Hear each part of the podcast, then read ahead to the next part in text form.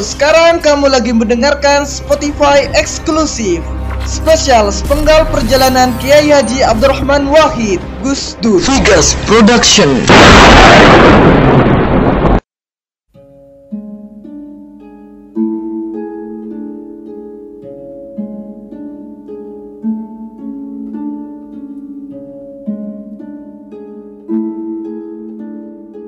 Dada sang bocah yang berusia tujuh tahun itu berdetak lebih kencang kala kakinya yang disilakan bergeser menuju ke arah ayahnya.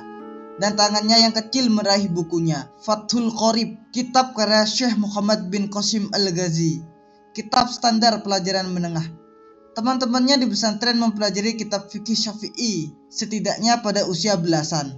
Hashim Asyari melihat selintas keraguan di mata anaknya yang bulat tetapi sang ayah dapat merasakan aura keinginan dan perjuangan yang kuat dari tubuh kecil di depannya. Lidah-lidah api bermain dalam matanya dan sebagian wajahnya tertutup oleh bayangan diri Hashim sendiri. Ia teringat istrinya, Nyai Nafikoh, yang sering sakit-sakitan dan merasa lemah sewaktu akan melahirkan Wahid Hashim. Dalam kegelisahannya, ia akhirnya bernazar bahwa apabila anaknya selamat, anak itu akan dibawa ke guru ayahnya, Kiai Haji Khalil Madura saat kelahiran putra pertama mereka, anak kelima setelah Hannah, Khairiyah, Aisyah, dan Izzah tujuh tahun yang lalu, di rumah mereka sedang dilakukan pengajian. Hashim Masari masih mengingat benar saat istrinya ditemani lampu minyak dan kain putih yang telah basah oleh keringatnya berusaha menahan teriakan di tengah suara zikir orang-orang di luar.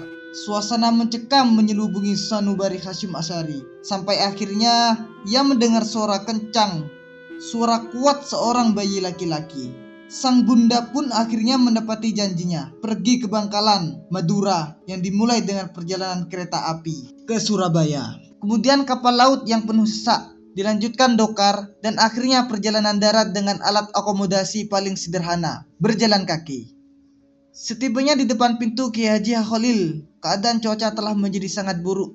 Malam telah menampakkan diri, ditemani petir, kilat, guntur, dan hujan.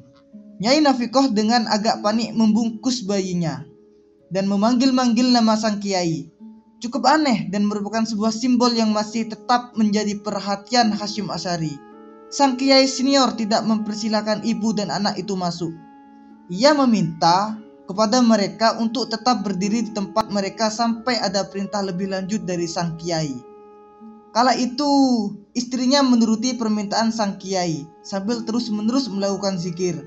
Karena bayinya menggigil kedinginan, akhirnya Nyai Nafikoh jatuh iba dan meletakkan bayinya di emper rumah sang kiai. Sesuatu yang menyebabkan sang kiai marah. Akhirnya ibu dan anak itu kembali berada di tengah hujan sampai akhirnya mereka berdua disuruh pulang. Mengamati sang putra yang berwajah serius yang membolak-balikkan kitabnya sekarang, Hashim Asri tetap tidak dapat mengerti maknanya. Satu hal pasti, ia tahu anaknya istimewa.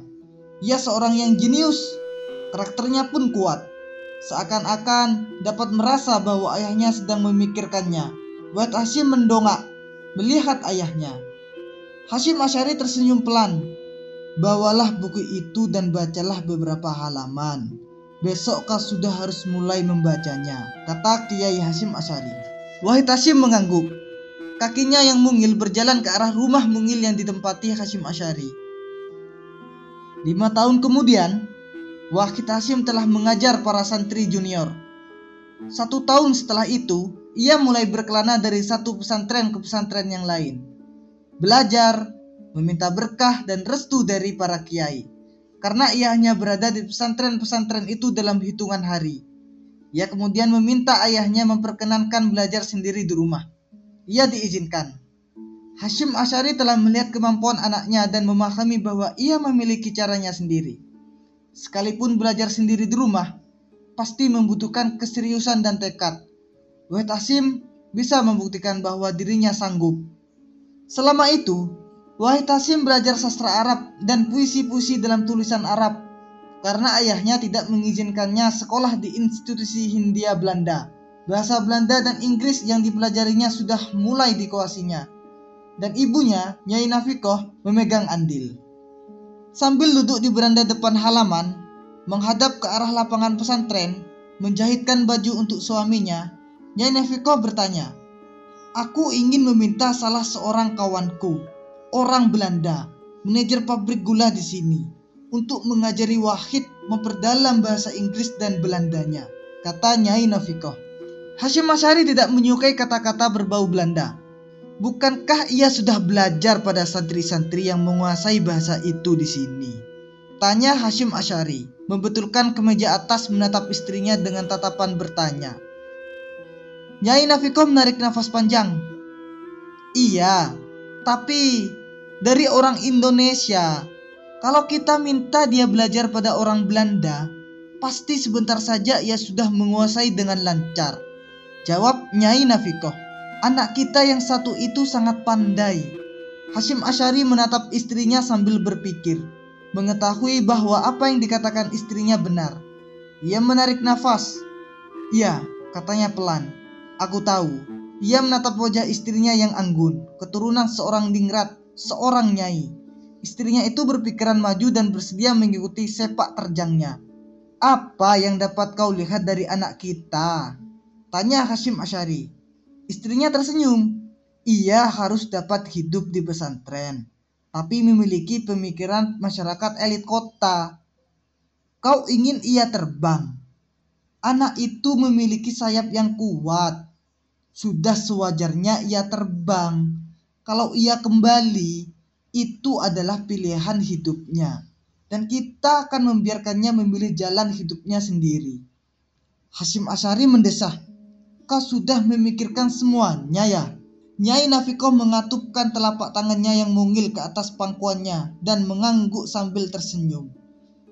Roda kemenangan sudah bergulir ke arahnya dan sekarang sedang berada di bawah telapaknya. Sebentar lagi suaminya yang berwajah keras tetapi berhati lembut itu akan melunak. Hashim Asyari mendesah kembali. Sudah dua kali ia tidak dapat menolak wajah yang menetapnya dengan tenang dan cerdas itu. Aku tidak mau pengajarnya terlibat dalam politik politik. Ia tidak terlibat dalam perang. Hashim Asyari terdiam selama beberapa saat, kemudian bangkit berdiri. Bapak, istrinya memanggil. Iya, jawab Hashim Asyari lembut. Makasih yo, Bapak sudah melakukan hal yang terbaik untuk Wahid. Angin berbisik merdu di telinganya dan matanya menangkap angin lembut itu menyapu anak-anak rambutnya. Hashim Asyari mengangguk pelan kemudian berjalan ke arah masjid kecil untuk menengok Wahid yang masih belajar. Ia yakin Wahid pasti senang. Seperti yang telah diduga orang tuanya, Wahid tidak membutuhkan waktu lama untuk belajar bahasa asing. Kemudian ia mulai menguasai bahasa Latin. Kemampuan itu bagai pintu keran air yang sebelumnya tertutup. Ia mulai berlangganan majalah dari dalam dan luar negeri. Ayahnya pun memfasilitasi kegemaran Wahid. Pada umur 17 tahun, Wahid mengajar kitab-kitab pada para santri. Kemudian ia pergi ke Mekah.